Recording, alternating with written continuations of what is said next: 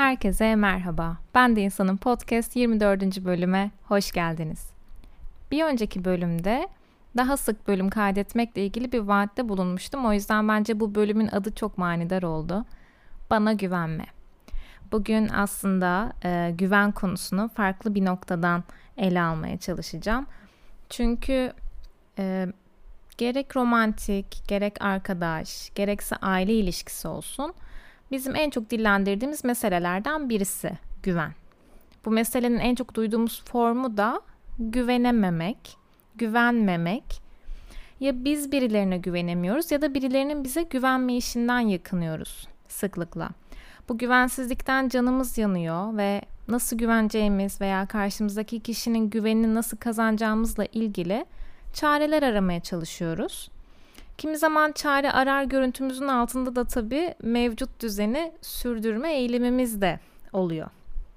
Bugün o mevcut düzeni sürdürme eğilimimizi körükleyen bazı hallerimizden bahsetmek istiyorum. Ama tabii bu bölümde daha çok e, birine güvenememekten ziyade bize duyulan güvenin altında ezilmek ana konumuz. Şimdi birinin bize olan güveninden yaralanmak dediğimizde sanki böyle cümle içinde bir çelişki söz konusu gibi geliyor. Çünkü güven duymanın nesi yaralayıcı olabilir diye sorguluyoruz ve güven duyan, duyduğu güveni yansıtan kişinin bizi yaralamak, incitmek gibi bir niyetinin de olmayacağına inanıyoruz. Ki aslında burası tartışılır. Çünkü güvenmekle güveniyormuş gibi yapmak kesinlikle birbirinden farklı ve ikincisinde aslında hissetmekten öte gösterilen tırnak içinde gösterilen güven daha çok. Bir şey almak üzere veriliyor gibi aslında burada. İlk olarak bu mış gibi güven üzerinde biraz durmak istiyorum o yüzden. Yani sanki bize bir güven veriliyormuş ve karşılığında da bir şey alınacakmış gibi, bizden bir şey alınacakmış gibi hissettiğimiz durumlar. Burada aslında ötekinin tırnak içinde olmasını istediğimiz şeye bir yatırım söz konusu olabiliyor. Bazı güven cümleleri böyle neredeyse karşı tarafa, o öteki kişiye sunulan bir yapılacaklar listesi gibi görünebiliyor. Hangi davranışlarının, olduğu hangi hallerinin tırnak içinde güveni sağlamlaştırdığı öyle çok tekrar ediliyor ki kişi bu davranışlardan uzaklaşmayı, o güven veren kişinin dışına çıkmayı göze alamaz bir hale gelebiliyor aslında böyle bir durumda. Burada aslında kastettiğim güven duygusunu besleyen davranışlara verilen geri bildirim veya bu davranışlara sunulan teşekkürden farklı. Bunu ayrı bir tarafa koyalım çünkü bu zaten ilişkide aradığımız bir durum. Yani bize iyi gelen davranışlara, tavırlara, hallere teşekkür etmek ve bize neyin iyi geldiğinden ötekine haberdar etmek aslında ilişkileri sağlamlaştıran bir davranış biçimi. Bunu kesinlikle ayrı tutuyorum. Benim burada kastettiğim kişinin kendini daha değerli, ve önemli hissetmek adına vurguladığı detaylar, vurguladığı diyorum, vurguladığı detaylar ve bunların bundan sonra hayatlarına dahil olmasına ilişkin doğurduğu bir beklenti. Böyle bir örnek üzerinden hareket edelim şimdi. Diyelim ki partnerler ihtiyaçlarının çakıştığı, birinin isteğinin ötekinin isteğinin önünü kapattığı, birbirlerine uyuşmadıkları bir an yaşadılar ve buna çözüm olarak da biri kendi istek ve ihtiyacından feragat ederek ötekinin isteğine alan açtı. Şimdi buna bu ilk noktada fedakarlık diyebiliriz belki ve belki de ilişkilerde zaten zaman zaman tarafların yaptığı fedakarlıklara benzeyen bir durum var. Beklendik ve uyumlu bir davranış. Burada şimdi isteğine alan açılan partnerin bu durum üzerine işte zaten beni üzecek bir şey yapmayacağını çok iyi biliyordum tarzında bir cümle kurması burada o öteki partnerin ilişkide kendini feda eden bir rol üstlenmesine neden olabiliyor.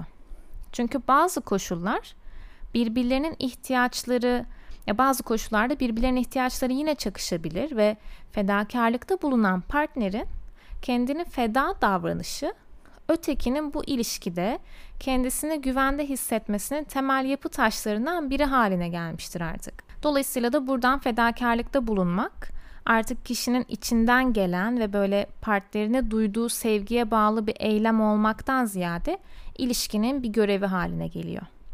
Ve kişi bu davranışı bir yerden sonra otomatik olarak sürdürmeye başlıyor. Aksine mümkün olabileceğinin de farkına varamıyor.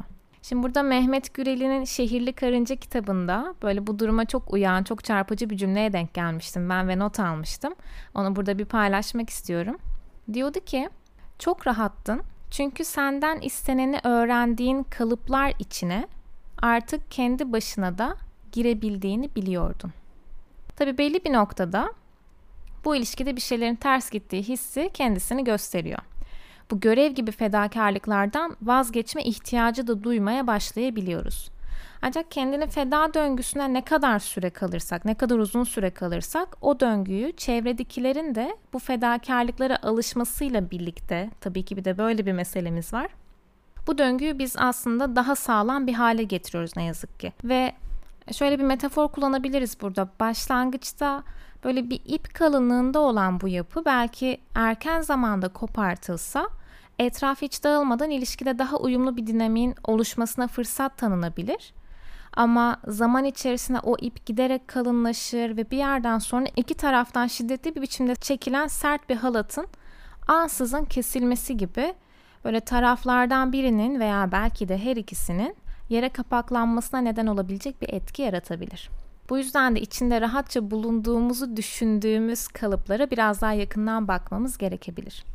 Çünkü o kendini feda döngüsünü bıraktığımızda e, hayatımızdaki diğer kişinin de alıştığı döngüyü kırmış oluyoruz. O da çünkü her isteğine evet denmesine alışıyor. Belki hiçbir şey söylemeden isteğinin ihtiyacının hemen önüne konmasına alışıyor. Belki herhangi bir durumda onun fedakarlıkta bulunmasına gerek kalmadan bir takım meselelerin çözülmesine alışıyor ve bunun aksi şekilde davranmak ya da başka alternatif bir yol bulmak gibi bir becerisi de gelişmemiş oluyor. İlişkinin dinamiği onun genellikle e, çok da bir çaba harcamadan isteğine ihtiyacına ulaştığı bir düzlemde devam edebiliyor. Hayatımızdaki o kişiyi de bir takım stresleri, gerginlikleri tolere etme becerisinden de yoksun bırakmış oluyoruz. Çünkü bu yönünü, bu kasını hiç kullanması gerekmiyor. Bu da gelişmemiş oluyor. Dolayısıyla da biz ansızın bu kendine feda döngüsünden çıkmaya çabaladığımızda karşımızdakinin de dengesini sarsıyoruz. O yüzden de böyle bir yapıyı fark ediyorsanız bunu erken bir zamanda çözümlemek çok önemli. Çünkü e, bu pekiştirilebilir de bir durum. Az önce anlattığımız gibi partnerimizin işine de gelebilir böylesi ve ilişkiyi bu şekilde yaşamak ona daha cazip geleceği için bizim bu kendini feda döngümüzü pekiştirebilir de ama işte bir noktada işler ters gitmeye başlar ve biz de bunu hissederiz. O noktada da bir şey yapmamız gerekir. O yüzden de farkındalık her ne kadar zenginleştirici ve çok kıymetli olsa da çok da sancılı bir süreç. Şimdi buradaki diğer dinamiğe bakacak olursak. Ötekinin onayını kaybetme korkusu. Bunu da çok fazla yaşıyoruz. Birinin bizle ilişkideki böyle belki fedakar tutumumuz, belki hiçbir şeye ihtiyaç duymayışımız gibi durumlar sebeple sık sık onaylaması ve bu onayı bizim ne kadar iyi, vazgeçilmez bir insan oluşumuza bağlaması bu tarz onayları kaybetmek istemeyeceğimiz bir hale girmemize sebep olabilir. Yani burada belki biz hiçbir şekilde yardım talep etmiyoruz. Belki her işimize her daim kendimiz koşuyoruz. Yardımın yardım istememizin gerektiği durumlarda bile yardım istemiyoruz. Belki de hayatımızdaki kişi yardım istemeden ona koşuyoruz. Çok fedakar bir tutumumuz var. Buna benzer tavır ve tutumlarımız sebeple sürekli bir de onay alıyor olabiliriz. Bir noktadan sonra da tabii ki bu onaylardan vazgeçmek bizim için sancılı bir hale gelir. Burada ben öyle bir insan olamam, ben ben bencil olamam, onu terk edemem, üzülmesine müsaade edemem, ona yük olamam, onu zor zamanında bırakamam, kendimi ön planda tutamam tarzında cümleler kurmaya başladığımızı fark edebiliriz. Burada ötekinin bir şekilde güvenini sarsacak biçimde hareket etmek bizim kimliğimizin, kişiliğimizin bir parçası haline geliverir. Yani bu iş sadece o kişiyle aramızdaki ilişkiden ibaret kalmıyor o noktada. Çünkü biz oradaki davranışlarımızda öyle bir onarlanıyoruz ki o davranışları artık kişiliğimizin bir parçası haline getiriyoruz. Dolayısıyla da karşıdakinin güveni sarsacak şekilde hareket etmek bizim sanki böyle kişiliğimizin dışında hareket etmemiz gibi. Ya da işte kimliğimizin olumsuz bir biçimde dışına çıkıyormuşuz gibi. Şu cümleleri de çok duyuyoruz ya çünkü ilişkiler biterken özellikle. Sen çok değiştin. Sen hiç böyle bir insan değildin. Bunları çok duyuyoruz. Bunları neden çok duyuyoruz? Bir şekilde aslında o yönümüzü, e, karşımızdaki kişinin hoşuna gitmeyecek yönümüzü saklamamıza sebep olabilecek bir takım durumlar vardır o ilişkide. Belki bu sadece bizimle alakalı durumlardır. Belki ilişki içerisinde doğan bir takım durumlardır. Belki de işte partnerimizin bizi bazı davranışlarımızı pekiştirmesiyle oluşan durumlar olabilir. Bazen de birilerinin bizi yetkin gördükleri alanlara ilişkin güvenlerinden de bunalabiliriz.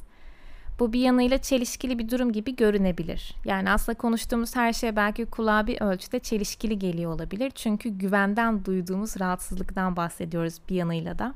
İşimizde, girişimlerimizde, böyle ne kadar başarılı olacağımıza, ileride hangi konumlarda yer alacağımıza ilişkin güven dolu cümleler böyle bir yanıyla özgüvenimizi desteklerken ve etrafımızdaki kişilerin desteğini hissetmenin de keyfini ve tabii ki güvenini yaşatırken bir yandan beklentileri karşılayamama korkusu yaşamamıza da sebep olabilir. Şimdi bazen bize duyulan güvenin çokluğu yaratma ihtimalimiz olan hayal kırıklıklarının da daha gürültülü olacağına inanmamıza sebep olabilir. Özellikle de talepkar ebeveynlerle büyüdüysek ve başarılı olmak bize onlarla ilişkimizi sürdürmenin bir yolu gibi göründüyse yetişkin hayatımızdaki önemli öteki kişilerin özellikle başarı alanlarında sıkça dile getirdikleri işte sen yaparsın, sana güveniyorum, sana inanıyorum sözleri tetikleyici bir etki yaratabilir ve aklımızda peki ya yapamazsam sorusuna cevap arar dururuz. Tabi burada güven ifadelerini bir koşul ortaya koyar gibi ifade etmekten kaçınmanın yanı sıra çünkü aslında bu koşulda bu ortaya çıkıyor. O güven ifadelerinin içinde bir koşulun saklı olduğunu hissettiğimizde biz bu kaygıyı daha çok yaşıyoruz. O yüzden de güveni duyan tarafa lafım burada. E, bu güven ifadelerini bir koşul ortaya koyar gibi ifade etmekten kaçınmak. Bir bakmak lazım. Ben sana çok güveniyorum derken o cümlenin içinde bir koşul saklı mı? Diğer taraftan tabii dikkat edilecek bir nokta da şu. Güven duyulan taraf için söylüyorum bunu da. Belki de herhangi bir güven ifadesini bir beklenti gibi algılama eğilimindeyizdir. Buraya da dikkat etmek gerekiyor. Belki herhangi bir koşul yok karşımızdaki kişinin bize e, söylediği güven cümlelerinde ama biz belki de onu o şekilde algılama eğiliminde olabiliriz.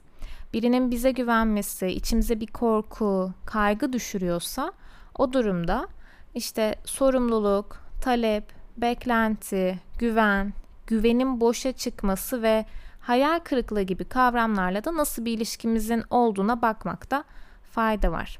Şimdi bu meseleyle ilgili diğer bir nokta da şu. Birinin varlığına, onun sunacağı desteğe, göstereceği sevgiye, ilgiye güven duymak, birlikte hayaller kurmak, özellikle romantik ilişkilerde aradığımız, böyle bulduğumuzda da keyiflendiğimiz ve tabii güvende hissettiğimiz haller olabilir. Çok da isteriz ve çok da severiz böyle hallerin içerisinde bulunmayı. Şimdi burada nasıl bir sorun olabilir diye düşünüyor olabilirsiniz. Ben de bu konuyu irdelerken aslında çok düşündüm. Burada nasıl bir sorun olabilir diye. Şimdi bu tarz güvenin de, bu tarz sevgimize, ilgimize, varlığımıza duyulan güvenin de aşırıya kaçması ve fazla dillendirilmesi ki özellikle partnerlerin hızının farklı olduğu ve belki de ilişkinin erken dönemlerinde bunların aşırı aşırıya kaçması ve fazla dillendirilmesi bu az önce başarı alanında bahsettiğimiz durumun bu defada duygu odaklı versiyonunun yaşanmasına sebep olabilir. Çünkü nasıl ki her daim başarılı olmamızın garantisini ne kendimize ne de çevremize veremiyorsak duygu odaklı taleplere de beklenen düzeyde ve beklenen zamanda karşılık vermemiz mümkün olmayabilir. Dolayısıyla da birinin büyük bir güvenle kendi mutluluğunu ve huzurunu bize bağlaması ilişkinin duygusal boyutunu bizim için böyle neredeyse bir görev ve sorumluluk haline getirebilir. Tabi burada çocukluğunda ebeveynleri tarafından böyle trip atılan, küsülen, duygusal mesafeyle cezalandırılan veya aile ortamındaki duyguyu yoklayıp ona göre davranmak zorunda kalan kişiler bu duygusal taleplerin yükünü herkesten biraz daha fazla yaşayabiliyorlar. Sonuç olarak da aslında burada yine bir dengenin peşindeyiz. Az önce de bahsettiğim gibi. Güvenmek, güvenilmek çok kıymetli ama bu güvenin içeriğindeki beklentinin oranını iyi ayarlamak gerekiyor. Bazen o baskıyı güvenme ihtiyacında olan taraf yaratabilirken bazen de duygusal talepler karşısında tetiklenen taraf varlığını duyulan herhangi bir güvende huzursuz hissedebilir ve kaçıngan davranabilir. Şimdi bütün bunların bir özetini geçecek olursak farklı farklı alanlarda bize duyulan ya da duyulmayan güvenli bir meselemizin olduğu açık. Bu ister iş hayatımızda olsun, ister romantik ilişkimizde, ister aile, ister arkadaş ilişkilerimizde, sosyal çevremizde bir şekilde bu güven bir mesele haline gelebiliyor. Ya bize çok güvenildiğinden ya az güvenildiğinden ya da hiç bahsinin bile geçmeyişinden bir şekilde bu bir meselemiz. Özet geçecek olursak aslında şöyle bir durum söz konusu. Bazen bugün bize duyulan güveni sırtımızdan atıp böyle biraz daha hafif hissetme ihtiyacı duyabiliriz. Bu yalnızca birinin bize olan güveni de değil. Bazen kendi yapabileceklerimizin farkında olmak, kendimize duyduğumuz güven de böyle peşi sıra bizi kaygıya sürükleyebiliyor. %100 güvenin böyle o hiç boşluk bırakmayan hali geleceğin tamamen kontrolümüzde olduğu hissini yaratabiliyor ve bu %100'ün biraz aşağıya inmesini ve hayattaki diğer pek çok ihtimalin bir gün bizim de vazgeçebilme ihtimalimizin olması gibi hayatta pek çok ihtimalin olduğunun hesaba katılması bize iyi gelebiliyor. Yani ne birinin bize yüzde yüz güvenmesi ne bizim kendimize yüzde yüz güvenmemiz gerekliliği aslında bize çok da iyi gelmiyor. Çünkü hayatta evet sayeden her şey olabiliyor. Ee, evet hayatımızı belki biz düzenliyoruz ve attığımız adımlar, aldığımız kararlar birçok şey şekillendiriyor ama her şey değil. Ve o dışarıda kalan hayatımızın şekillenmesinde, ilişkimizin şekillenmesinde etkili olan diğer faktörlerin de hesaba katılması ve hesaba katıldığının bilinmesi bize iyi gelebilir. Dolayısıyla da duyduğumuz güvenin o kişiden veya kendimizden bir şeyler bekleyebilme ihtimalimizi ne derece arttırdığına bir bakmamız gerekiyor. Bir şey bekleyebilmek üzere mi güveniyoruz? Yoksa beklentisizce kendi akışında gelişen olaylarla ve işlerin ters gitme ihtimalinin de farkında olarak o kişinin olduğu haline, şeffaflığına, içtenliğine, çoğu zamanki tutarlılığına, bize o anda duyduğu sevgi ve şefkate, isteklerinin peşinden koşabilme hevesine, azmine mi güven duyuyoruz? Şimdi bunlara güvenebiliriz. Bütün bunların bize güven vermesi ne anlama geliyor? Aslında biraz ona bakmamız gerekiyor. Yani o duyduğumuz sevgi, şefkat, o kişinin isteklerinin peşinden koşabilme hevesi, azmi, şeffaflığı, içtenliği, çoğu zaman tutarlı oluşu bunlar çok güzel. Bunlara güvenebiliriz. Ama eğer ki biz karşımızdaki kişinin bir takım özelliklerine bakarak o kişiden neler bekleyebileceğimizi hesaplamaya başlıyorsak, durum buna dönüşüyorsa orada tehlike sinyalleri çalıyor demektir. O yüzden de duyduğumuz güvenin içeriğine bir bakalım. Bize yönelen güvenin de içeriğine biraz bakmaya çalışalım.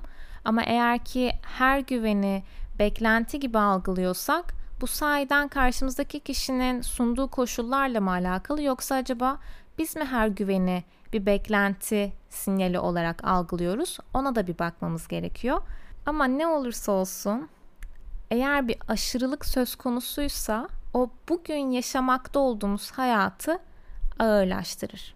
Konu buraya gelmişken bu bölümü e, Ağaçların Özel Hayatı kitabından bir alıntıyla sonlandırmak istiyorum.